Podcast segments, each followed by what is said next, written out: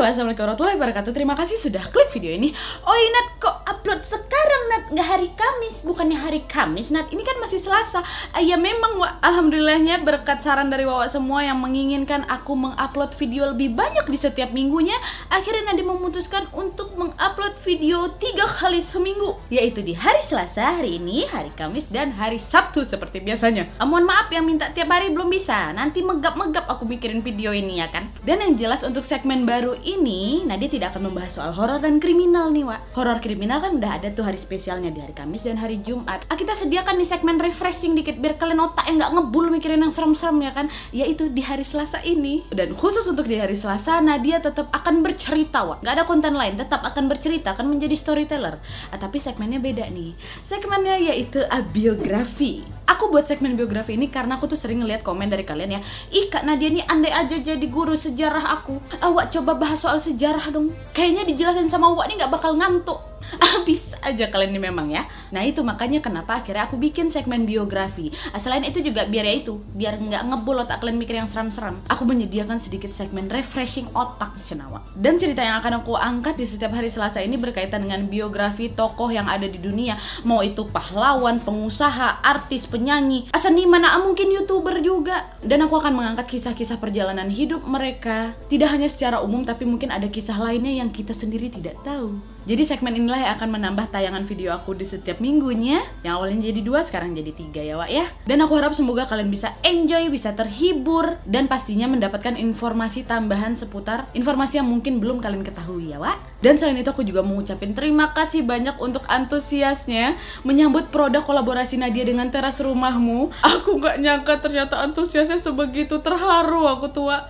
Semoga produk kolaborasi yang kami ciptakan ini bisa membuat kalian lebih dekat gitu sama Nadia Omara ya kan Wak? Dan yang jelas semoga kalian suka Wak ya.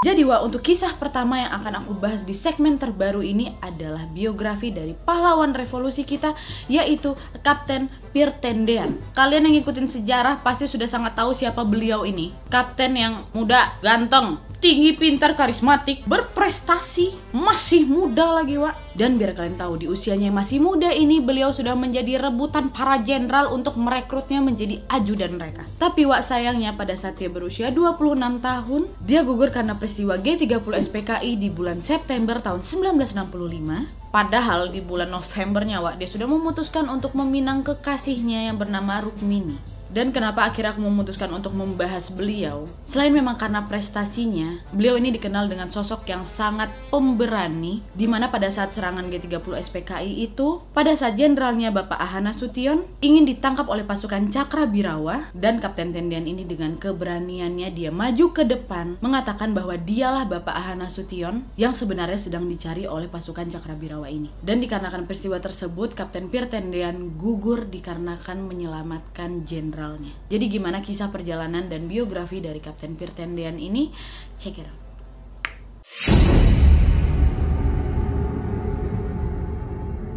Jadi Wak Kapten Pirtendian ini bernama lengkap Pier Andreas Tendian yang lahir di Batavia atau Jakarta pada hari Selasa tanggal 21 Februari 1939. Nah, ayah Pirtendian ini berdarah Minahasa, namanya adalah Dr. Aurelius Lamert Tendian, di mana beliau ini merupakan seorang dokter spesialis kejiwaan. Sementara ibunya ini adalah orang Belanda berdarah Prancis namanya Cornet Maria Elizabeth. Nah, karena persilangan inilah Kapten Pretendian ini lahir dengan kulit putih dan bermata coklat, nggak kayak masyarakat lokal di sana, Wak. Dan nama Pir namanya beliau itu diambil dari nama kakeknya, yaitu Pir Albert, ayah dari ibunya. Sedangkan nama Andries diambil dari kakek yang berasal dari belah bapaknya. Meskipun berdarah Minahasa Prancis, Pir ini fasih berbahasa Jawa, Wak. Karena dia ini sudah cukup lama tinggal di Jawa Tengah. Nggak kayak aku, udah lama tinggal di Jogja tapi nggak bisa-bisa bahasa Jawa. Dan untuk riwayat pendidikannya Kapten Pirtendian ini, dia bersekolah di SR atau Sekolah Rakyat Kintelan, dulu belum sekolah dasar, Wak. Lalu di SMP Negeri 1 Semarang, kemudian melanjutkan sekolah SMA-nya di SMAN bagian B Semarang. Terus setelah lulus dari SMA, dia mengambil Akademi Militer, jurusan teknik angkatan ke-6 di Bandung Wak untuk tahun ajaran 1958 sampai 1961. Dan setelah itu dia kembali melanjutkan pendidikannya di Sekolah Tinggi Intelijen Negara di Bogor tahun 1963. Ada nggak dari kalian yang alumni situ? Aku komen di bawah. Kalian satu alma mater sama Pirtendian. Mantap. Nah, Pirtendian ini anak kedua dari tiga bersaudara. Dia memiliki kakak dan adik perempuan. Adik cowok satu-satunya nih, Wak. Kakaknya bernama Midzi Faredan dan adiknya bernama Ros Widiawati. Nah, sejak kecil juga mereka ini terbiasa hidup berpindah-pindah karena mereka mengikuti tempat dinas bapaknya. Pada masa kependudukan Jepang di Indonesia, keluarga Dr. A.L. Tendean, bapaknya ini, pindah ke Magelang, Wak. Dan ayahnya langsung menjabat menjadi wakil direktur rumah sakit Magelang. Dan di kota inilah Pirtendean menghabiskan masa kecilnya sampai menyelesaikan masa sekolah dasarnya. Karena ayahnya ini menjabat sebagai wakil direktur rumah sakit, Wak. Jadi memang keluarga Pirtendean ini cukup terpandang di sana, Wak. Tapi mereka nggak sombong. Keluarga mereka ini dikenal sangat baik dengan para pejuang yang sedang berperang di saat itu. Selalu dikasih makan, disupport, diajak berbicara, bergaul lah gitu, Wak nggak sombong. Nah sebenarnya Wak, pada saat tinggal di Magelang itu, ayah dari Pirtendian ini nyaris menjadi korban penculikan sisa-sisa gerombolan PKI yang sebelumnya terlibat pemberontakan di Madiun pada tahun 1948 Wak. Pada saat itu, ayah Pirtendian ini berhasil melarikan diri dengan cara menceburkan dirinya ke dalam sungai saat dikejar oleh gerombolan ini. Dan pada saat sedang melarikan diri tersebut, waktu lagi berenang di sungai itu, Wak, gerombolan ini masih sempat menembaki ayah dari Pirtendian ini membabi buta sampai-sampai kena lah itu ke kaki bapaknya. Alhasil walaupun memang berhasil lolos dari penculikan itu, salah satu kaki dari AL Tendian atau ayahnya Pir Tendian ini cacat permanen karena luka tembak tadi, Wak. Nah, karena luka di kaki ayahnya ini, akhirnya keluarga Tendian ini memutuskan untuk pindah ke Semarang karena ayahnya ini harus menjalani perawatan di Rumah Sakit Dr. Karyadi di Semarang, Wak. Dan mulai saat inilah keluarga Tendian ini baru menetap nih di Semarang. Sementara itu cita-cita dari Pirtenden untuk menjadi tentara itu udah dari kecil, Wak. Karena seperti aku bilang tadi, keluarganya ini dekat dengan pejuang perang pada saat itu. Saat Pir kecil, dia kerap melihat para pejuang kemerdekaan yang hampir setiap hari mampir ke rumahnya untuk menemui ayahnya dan meminta persediaan obat-obatan untuk kepentingan gerilya. Ya karena itu memang keluarga Pirtenden ini dikenal sangat baik, Wak. Sering menolong para pejuang, memberikan pengobatan dan stok obat untuk medis ke para pejuang di garis depan. Dan pada saat Pir kecil pun dia ini sudah diajarkan kedisiplinan tinggi dan rasa nasionalis oleh ayahnya, Wak. Nah, karena sering melihat para pejuang yang sering datang ke rumahnya untuk meminta pertolongan dan dia juga melihat perjuangan mereka yang tetap semangat tanpa henti-hentinya membela negara, inilah yang membuat Pirtenden ini turut bersemangat untuk membela negaranya, Wak. Dan dari cita-citanya ini membuat Kapten Pirtendean bertekad untuk memasuki Akademi Militer Nasional, Wak. Tapi sebenarnya cita-citanya ini juga sempat ditentang oleh kedua orang tuanya, wah. Karena Ibu Pierre ini berharap putranya ini melanjutkan pendidikannya di Fakultas Teknik Institut Teknologi Bandung atau ITB. Sementara sang ayah menginginkan putra satu-satunya ini untuk melanjutkan pendidikan di Fakultas Kedokteran Universitas Indonesia supaya bisa mengikuti jejak dia di bidang kedokteran. Tapi Wak Pirtendian tetap bersikeras ingin melanjutkan cita-citanya menjadi tentara. Larangan dari orang tuanya ini nggak lain dikarenakan Pirtendian ini kan merupakan anak putra satu-satunya kan. Kalau dia ini berkarir menjadi tentara, orang tuanya khawatir karena menjadi tentara kan harus siap mempertaruhkan nyawanya. Mereka nggak mau kehilangan anak laki-laki satu-satunya mereka nih. Satu-satunya anggota Pirtendian yang menyetujui cita-cita Pirtendian adalah kakaknya, Wan, yaitu Midziferi. Akhirnya dikarenakan memang sudah memiliki tekad yang sangat kuat, Pirtenden tetap masuk ke sekolah yang dia idam-idamkan yaitu Akademi Militer. Tapi nggak mulus dia langsung masuk ke sana, Wak. Nggak. Ada kisah lainnya nih. Nah sekarang kita akan masuk ke perjalanan bagaimana Pirtenden ini bisa masuk ke Akademi Militer ya, Wak. Check it out.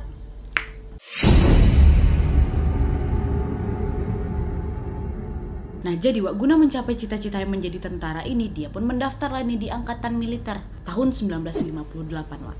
Tapi untuk menghibur hati orang tuanya, selain mendaftar di AMN atau Akademi Militer Negara itu, ah, dia daftar juga nih Wak di Fakultas Kedokteran UI, sesuai dengan keinginan bapaknya. Tapi ternyata pada saat mengikuti tes, Ade tidak lulus. Melihat hasil tes di Fakultas Kedokteran UI yang tidak lulus itu, akhirnya orang tuanya pun merelakan Pirtendian ini untuk melanjutkan pendidikannya di Akademi Militer Negara. Menurut Ibu Mitzi, kakaknya Pirtendian, bukan karena dia gagal, bukan karena dia nggak bisa jawab pertanyaan, tapi memang Pirtendian nggak mengerjakan soal tesnya, Wak. Ah itulah makanya dia nggak lulus. Itulah akhirnya tercapai cita-citanya kan. Dia menghibur orang tuanya. Oke nih aku bakal ikut tetap. Insya Allah lulus. Kalau lulus ya mapa kalau nggak lulus ya udah mohon maaf. Aku masuk nih akademi militer. Berhasil dia wa nah barulah akhirnya di bulan Agustus tahun 1958 Pierre Tendian mengikuti rangkaian tes untuk masuk Akademi TNI Angkatan Darat. Yang setahun kemudian berganti nama menjadi Akademi Teknik Angkatan Darat atau ATKAD Bumi Panorama Bandung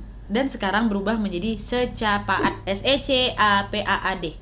Nah, setelah mengikuti rangkaian tes, Tendian pun akhirnya lulus seleksi tahap akhir sebagai calon taruna G1 atau pangkat taruna terendah bersama dengan 155 orang pemuda lainnya dari berbagai wilayah di Indonesia.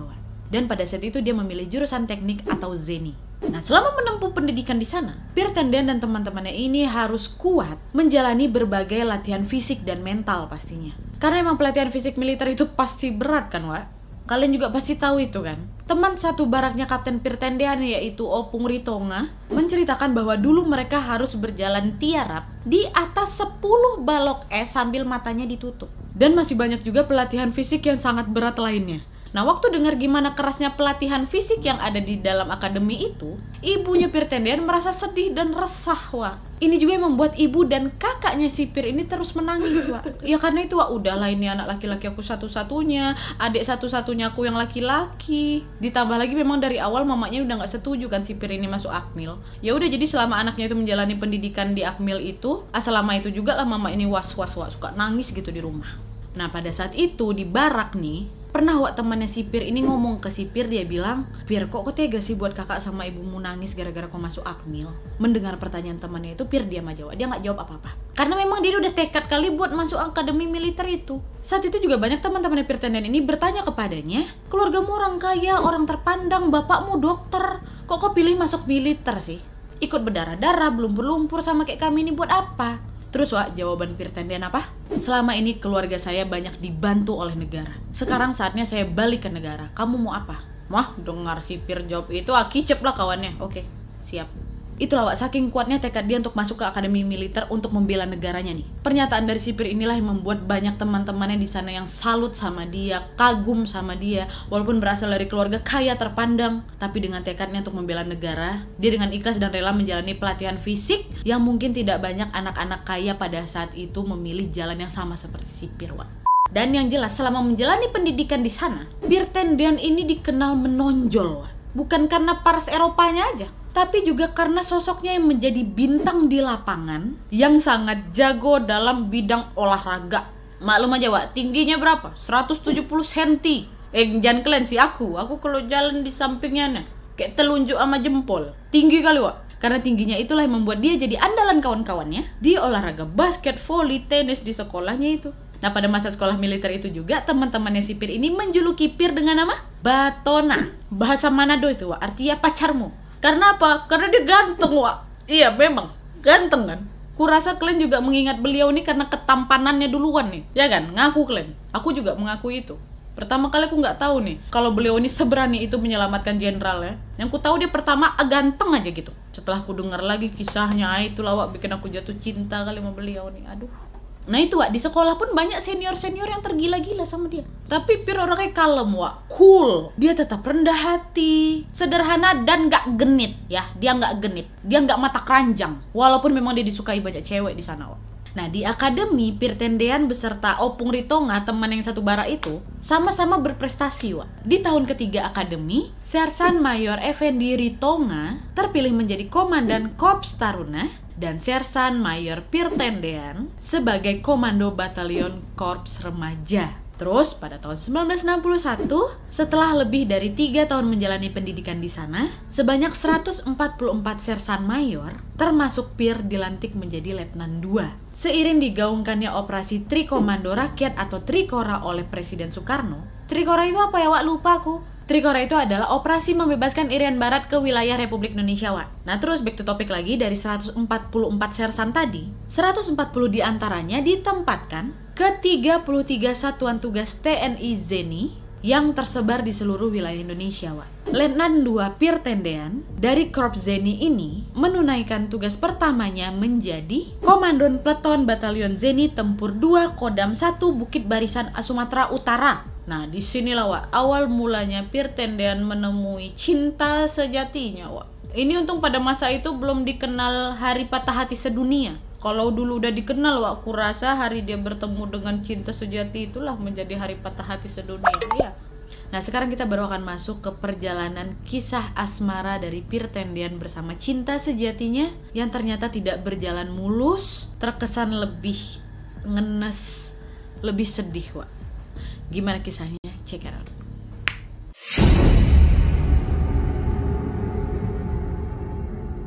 Jadi Wak, setelah dia menjalani tugas pertamanya di Sumatera Utara, tepatnya di kota Medan, di tahun 1963 pas si Pir ini lagi libur tugas, kedua kawannya si Pir ini mencomblangkan Pir kepada seorang wanita bernama Rukmini. Dua kawannya ini udah kenal duluan sama Rukmini, Wak. Terus berkali-kali dipujuknya Pir tendian untuk menemui Rukmini juga. Ayolah Pir, ke rumah si Rukmini lah yuk, sini ku kenalin, kata kon-konnya nih. Kau tengok dulu lah gadis itu, orang tuanya baik, Wak, nggak galak. Rukmininya juga baik kali, kata kawannya nih, Wak pertama nggak mau sipir nih wak. Ditolak enggak lah wak. Diajak lagi sama kawannya ayo lah wak. Coba dulu ke rumahnya. Kenali dulu. Enggak aku bilang. Ditolak nih wak sama sipir. Karena walaupun memang dia ini menjadi sasaran cewek-cewek dia ini juga cuek. Sampai akhirnya mungkin karena udah capek asik dipujuk terus sama kedua kawannya ini disetujui lah sama sipir itu wak. Ayo udah lah wak. Ayo lah kita ke rumah Rukmini yuk kata Pir kan. Terus bertiga nih mereka sipir sama dua kawannya ke rumah Rukmini kan Waktu nyampe di rumah Rukmini, bertemu langsung sama Rukmini, dikenalin sama kawan-kawannya nih kan. Ah, di situ lawak kali pertamanya, Pir Tendean langsung jatuh cinta pada pandangan pertama, Wak. Karena Pir ini merasa langsung klik sama kepribadiannya Rukmini. Dengan kalemnya Rukmini, baik hatinya, lembutnya Rukmini. Inilah yang membuat Kapten Pir Tendean jatuh cinta dengan sosok gadis ini, Wak. Nah, terus kan, udah oke okay nih ya suka sipir kan Wak? Biasanya kalau mau datang ke rumah Rukmini sama kawan-kawannya nih sama dua orang itu bertiga mereka bertiga mereka ngawanin sipir kan biar ketemu sama si Rukmini. Terus pada suatu hari waktu dia ingin menemui si Rukmini dia datang sendiri Wak. Udah udah Wak? Kalian gak usah ikut aku udah bisa sendirian. Berani aku dah kata Pir Tendean Wak nggak perlu dikawanin lagi sama kawan-kawannya Nah, siapa Rukmini ini, Wak? Rukmini ini adalah gadis asli Yogyakarta. Dia anak pertama dari empat bersaudara. Dan sebenarnya usia mereka ini berjarak cukup jauh, Wak, yaitu 8 tahun. Tapi biarpun begitu, karakternya Rukmini ini yang tegas, mandiri. Inilah yang membuat Pir ini semakin hari semakin jatuh cinta kepada Rukmini. Rukmini juga pastilah tertarik sama sipir ya kan? Gak cuma dari tampangnya aja Wak Tapi dari karismanya, sifatnya. Tapi selain itu diakibatkan karena sifat humoris dan kecerdasannya Pierre Tender dan akhirnya hubungan mereka pun langsung berlanjut ke tahap pacaran. Ya udah Wak. Jadi kalau setiap kali libur nih ha si Pir tuh selalu lah datang ke rumah Rukmini ketemu sama mama bapaknya Rukmini main ngobrol gitu ya kan? Tapi sebenarnya juga hubungan mereka tuh nggak berjalan mulus Wak. Sempat ada pertentangan dari orang tua Rukmini dikarenakan mereka beda agama. Sempat gak disetujui itu pada saat itu. Dan waktu itu juga mereka sempat menjalani hubungan jarak jauh atau LDRan, long distance relationships atau lo doang relationship maaf nih yang LDR mantap kalian Kenapa mereka LDRan? Karena pada saat itu, Pir ini mendapat panggilan sekolah intelijen TNI Angkatan Darat di Bogor, Jawa Barat, Tuhan. Nah, selama menjalani pendidikan intelijen selama tiga bulan di sana, Pir mampu menyelesaikan dengan nilai yang sangat sempurna. Dan dari prestasi yang didapat oleh si Pir ini, membuat dia dipercaya terlibat dalam berbagai misi intelijen, Wah dia pun akhirnya diterjunkan di operasi Dwi Kora memimpin pasukan relawan untuk mengadakan penyusupan ke beberapa wilayah di luar Indonesia nih. Berbekal dengan wajah bulenya, dia pun beberapa kali ditugaskan untuk menyusup ke beberapa negara dengan menyamar sebagai turis dalam operasi Dwi Kora ini. Bahkan dalam operasi Dwi Kora ini, Tendian pernah ditugaskan untuk mengawal menteri pembantu presiden yakni Oi Chutat yang masuk ke Malaysia dengan menyamar sebagai pedagang Tionghoa. Dan saat ditugaskan dalam operasi di Kora itu, Pierre sering harus menjalani berbagai penugasan dengan durasi waktu yang tidak menentu. Wa. Jadi itulah yang membuat Denny ngerasa kangen gitu sama keluarga dan pacarnya Rukmini. Wa. Dia sering berkabar dengan keluarga dan pacarnya lewat surat dan dia pun meluapkan rasa rindunya dalam surat itu. Wa. Pakai surat doang nggak kayak kita tinggal nekan jempol aja. Zaman dulu nih. Ai. Huh, romantis sekali ya. Aduh. Dan dari situ juga waktu lagi dapat cuti, Pir ini balik ke Semarang ke tempat orang tuanya. Pir juga bahkan menyempatkan dirinya untuk pergi ke Medan untuk bertemu dengan pacarnya si Rukmini Wak sambil bawain oleh-oleh. Nah, karena tugas yang dipikul oleh si Pir Tendian ini di garis depan, Wak. Lagi-lagi inilah yang membuat Ibu Pir ini makin was-was. Kebetulan pula Ibu Pir Tendian ini teman baik dari mertuanya Jenderal Ahana Sution yang pada saat itu menjabat sebagai Menko Hankam. Akhirnya ibunya ini mencoba untuk mengajukan penarikan tugas anaknya kepada Jenderal Ahana Sution. Nggak cuma mamanya aja yang khawatir, pasti Rukmi ini pacarnya juga pasti khawatir lah ya kan. Dia khawatir dengan pacarnya Pirtendean yang berada di garis depan peperangan. Apalagi jalinan hubungan jarak jauh mereka ini hanya lewat surat aja. Akhirnya untuk melegakan keresahan dari pacarnya ini, di tahun 1965 Rukmini dan Pirtendean memutuskan untuk melanjutkan hubungan mereka ke jenjang pernikahan. Wan. Pada saat itu Pir juga menuliskan surat kepada keluarganya di mana isi suratnya itu meminta doa restu untuk menikahi Rukmini Wan. Dan pada saat Pirtender ini sedang mendampingi Jenderal Ahana Sution ke Medan, tepatnya pada tanggal 31 Juli 1965, Pirtendean menyempatkan diri ke rumah Rukmini, bertemu kedua orang tua Rukmini, untuk melamar Rukmini. Akhirnya lamaran dari Pirtendian pun diterima oleh keluarga Rukmini dan hari pernikahan pun disepakati di bulan November tahun 1965 Wan. Sebelum kita masuk ke kisah tragis yang terjadi di bulan September tahun 1965 yang merenggut nyawa Kapten Pirtendian ini, aku akan menceritakan dulu bagaimana Pirtendian ini menjadi ajudan Jenderal Aha Nasution dan bagaimana keloyalan atau kesetiaannya dari Pirtendian untuk menjaga jenderalnya ini ya, Wak. Check it out.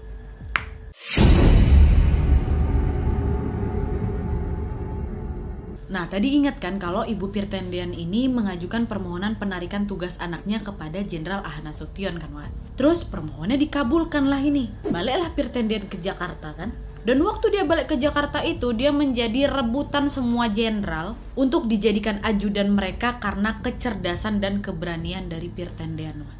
Dan akhirnya perebutan ini dimenangkan oleh Jenderal Abdul Haris Nasution. Sejak tanggal 15 April 1965, Pirtenden pun resmi dijadikan ajudan Jenderal Aha Nasution, lalu pangkatnya dinaikkan menjadi Letnan 1.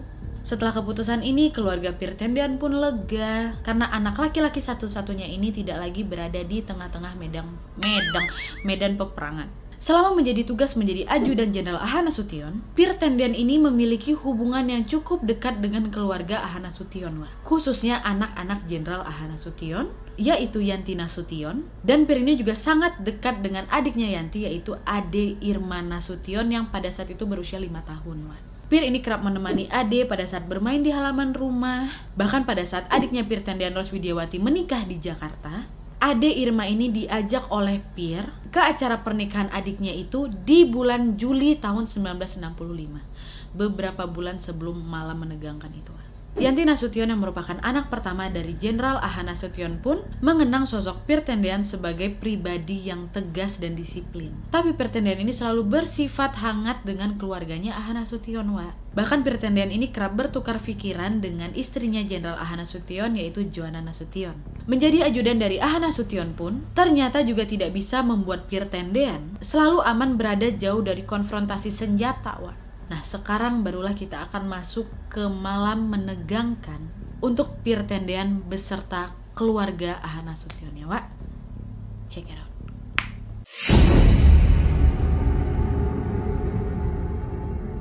Oke, jadi Wak, kisah Pirtendean menjadi ajudan Jenderal Ahana Sution berakhir dengan sebuah kisah kepahlawanannya pada dini hari tanggal 1 Oktober 1965, Wak. Saat itu menjelang jam 4 pagi, Jenderal Nasution mendengar suara bunyi gaduh di depan pintu rumahnya. Joanna Nasution, istri dari Aha Nasution pun langsung mengecek dan memeriksa sumber kegaduhan itu. Pada saat ibu Joanna ini sedang membuka pintu kamarnya, dia langsung menutup pintu itu karena dia mengetahui bahwa kegaduhan itu berasal dari pasukan Cakrabirawa yang merangsek masuk ke dalam rumah mereka. Serangan yang terjadi di dini hari tanggal 1 Oktober 1965 ini pasti sudah sering kalian tonton pada masa kecil tuh yang selalu diputar pada tanggal 31 September kalau nggak salah yang menceritakan pengkhianatan PKI kepada bangsa di mana di sini tidak akan aku jelaskan karena itu juga materi yang agak sensitif dan bukan itu juga yang sebenarnya ingin aku bahas. Kalau kalian mau tahu gimana lengkapnya peristiwa itu, karena di video ini aku cuma ingin menjelaskan bagaimana si Pirtendian ini dengan kisah kepahlawanannya untuk menjaga jenderalnya, Wak, dan kisah kepahlawanan dia yang lain. Ya. Oke, jadi lanjut. Pada saat Ibu Juana langsung menutup pintu itu, salah satu pasukan Cakrabirawa tahu nih kalau ada orang di balik pintu tersebut, yaitu Aha Nasution, orang yang memang mereka cari. Nah, Ade Irma Nasution, anak terkecil mereka ini, pada saat itu berada di dalam kamar itu. Wak. Tidak lama setelah Ibu Juana menutup pintu, pasukan Cakrabirawa itu menembaki tembakan banyak sekali itu ke arah pintu itu. Karena terbangun dan ketakutan, Ade Irma ini pun langsung mendekati ke ibunya. Ibunya yang pada saat itu ingin menyelamatkan suaminya, langsung memberikan Ade Irma kepada tantenya Ade Irma nih. Nah, pada saat lagi digendong itu mungkin karena panik pintu kebuka, rentetan tembakan masih berjalan nih, kena lah itu wa Ade Irma. Pada saat rentetan tembakan itu, Ibu Juana pun menyuruh Bapak Jenderal Nasution ini untuk kabur. Karena bapaknya lagi dicari, kabur. Akhirnya Jenderal Nasution pun berhasil kabur tuh dengan cara melompati tembok yang ada di sebelah kamarnya itu kabur nih ya Pak Ahana Sution kan. Sementara itu Yanti Nasution yang lagi ada di kamarnya, anak pertama dari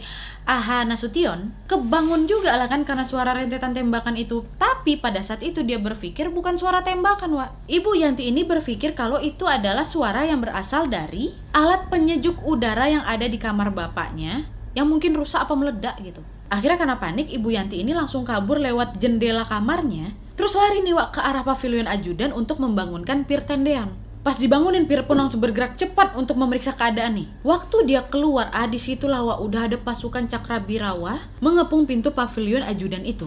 Nah, di saat bersamaan itu barulah Ahana Sution yang pada saat itu juga sempat tertembak kakinya melarikan diri dari buruan Cakrabirawa yang hendak menculiknya. Pada saat Kapten Firtendian berhadapan langsung dengan Cakrabirawa, karena mungkin pada saat itu terburu-buru, pasukan Cakrabirawa itu nggak tahu pasti yang mana Jenderal Ahana Sution, wah. Mereka tidak mengenali wajah Ahana Sution dan mereka mengira kalau Pirtendian yang sedang ada di hadapan mereka itulah Ahana Sution. Ditambah lagi pada saat itu, tanpa bertele-tele karena mungkin Pirtendian tahu kalau jenderalnya inilah yang akan mereka culik, Pirtendian dengan beraninya langsung bilang, "Saya Ahana Sution." Gitu. Ya udah, akhirnya atas pengakuan dari Pirtendian inilah yang membuat Pirtendian langsung diangkut ke lubang buaya untuk dieksekusi, Wak. Tapi sebenarnya Wak, kalau kata sumber lain nih, Pir ini memang mengaku sebagai Jenderal Ahana Sution untuk melindungi bosnya. Tapi kalau kata Bapak Abi Besman, seorang editor buku biografi sang patriot Pir Tendean bilang kalau dari semua sumber yang diwawancara di malam menegangkan itu, tidak ada yang dengar jelas kalau Pir ini mengaku bahwa dialah Ahana Sution. Ibu Yantina Sution yang pada saat itu membangunkan Pir Tendean pun tidak bisa mendengar jelas Wak ya. Karena kan lagi direntetin tembakan kan? Kebetulan pula jarak mereka berjauhan jadi dia nggak dengar jelas nih. Apakah betul memang Pirtenden ini yang mengaku sebagai Ahana Sution tapi walaupun kayak gitu, keberaniannya aja yang sudah mau menemui pasukan Cakrabirawa yang lagi nembakin senjata itu aja, udah luar biasa kali kan. Walaupun sebenarnya Pirtenden ini punya kesempatan untuk mengaku bahwa bukan, saya bukan Ahana Sution, kalian salah tangkap. Bisa aja kan dia ngomong kayak gitu. Sampai akhirnya dia nggak usah perlu dibawa ke lubang buaya dan dieksekusi, wah. Tapi dikarenakan keberaniannya, kesetiaannya dengan bosnya, dia tetap diam dan akhirnya dia pun gugur dieksekusi pada malam itu nih berani kali. Hah.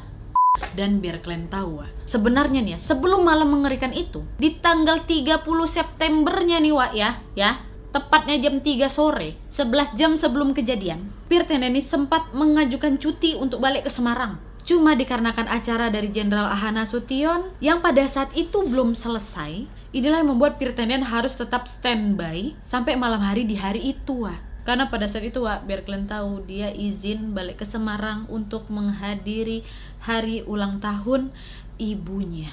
Akhirnya dia juga sempat tuh kirim surat kepada keluarganya kalau ibu maaf saya tidak bisa balik di hari ulang tahun ibu karena saya harus standby nih jagain Pak Nasution. Nanti ya bu tanggal 1 Oktober saya baru pulang ke Semarang. Jadi memang kebiasaannya Pirtenden ini juga Wak ya setiap kali mamanya nih ulang tahun dia pasti bakal selalu balik ke Semarang. Cuma pada saat hari itulah dia nih nggak bisa balik Wak Nah, pada saat Ibu Pirtendean ini sedang berulang tahun, di hari ulang tahunnya itu dia nunggu lah kan, Wak, telepon dari anak laki-laki satu-satunya dia nih. Tapi kok ya juga nggak ada di telepon ya? Karena di malam naas yang bertepatan dengan hari ulang tahunnya itulah Pirtendean tewas, Wak. Kalian pikirlah, di hari ulang tahunnya, terus anak kesayangannya, anak kebanggaannya meninggal dibunuh padahal nggak ada salah sama sekali pasti shock kali kan nah itulah Wak yang dialami oleh ibunya Pirtendian Menurut buku biografi Pirtendian lainnya, yang berjudul Sang Patriot Pirtendian, menggambarkan bahwa ibundanya beliau ini, beliau menunggu Pirwa karena memang anaknya ini sudah berjanji akan pulang ke rumah di tanggal 1 Oktober 1965. Karena di tiga hari kemudian, jenazah Pir ditemukan di sebuah lubang sumur di lokasi Lubang Buaya, Jakarta Utara. Jenazah Pirtendian pun diangkat dari dalam sumur itu bersamaan dengan enam jenderal-jenderal angkatan darat lainnya yang turut menjadi korban keganasan dari G30 SPKI ini. Dan di tanggal 5 Oktober 1965, pemerintah pun langsung mengirimkan pesawat untuk menjemput keluarga Pir yang berada di Semarang. Dan pada saat melihat peti jenazah anaknya ini, sang ibu pun langsung menangis dan meratap dan yang pasti semua keluarga Pir pun sangat sedih dan dikabarkan pada saat itu Ibu Tenden pun juga sempat memarahi kakaknya Pir yaitu Mitzi yang mendukung Pir untuk masuk ke sekolah militer Wan. Dan bapaknya juga pada saat itu sangat menyesal memasukkan Pir ini ke akademi militer. Dia menyesal kenapa mengizinkan Pir ini untuk masuk ke sekolah militer. Tapi pada saat itu bapak ini masih bisa kontrol gitu, masih bisa tegar lah gitu, nggak kayak ibunya.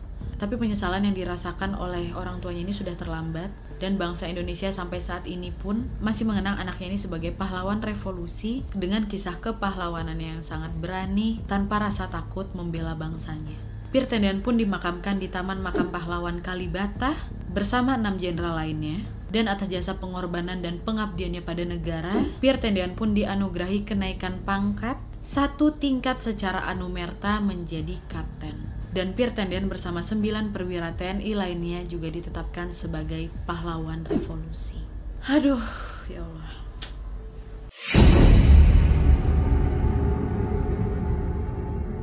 Dan setelah kejadian malam berdarah itu, Ibu Pirtendian kerap mengunjungi makam anaknya. Wak. Dia memborong banyak bunga anggrek untuk menutupi seluruh makam anaknya itu. Karena kepergian anak kesayangannya ini, kesehatan Ibu Pirtendian kian hari kian menurun. Dirinya jatuh sakit, Wak dan pada tanggal 19 Agustus 1967, Ibu Pirtendian pun wafat. Pada saat itu dia juga sempat berpesan agar jenazahnya nanti diselimuti selimut Pirtendian. Sementara itu Rukmini sang kekasihnya, cinta sejati Pirtendian, terpaksa mengubur rencana pernikahannya yang akan berlangsung dua bulan lagi yaitu di November tahun 1965. Dan ternyata tanggal 31 Juli 1965 itulah menjadi pertemuan terakhir Rukmini bersama sang kekasih Pirtendean. Aduh, sedih aku tuh.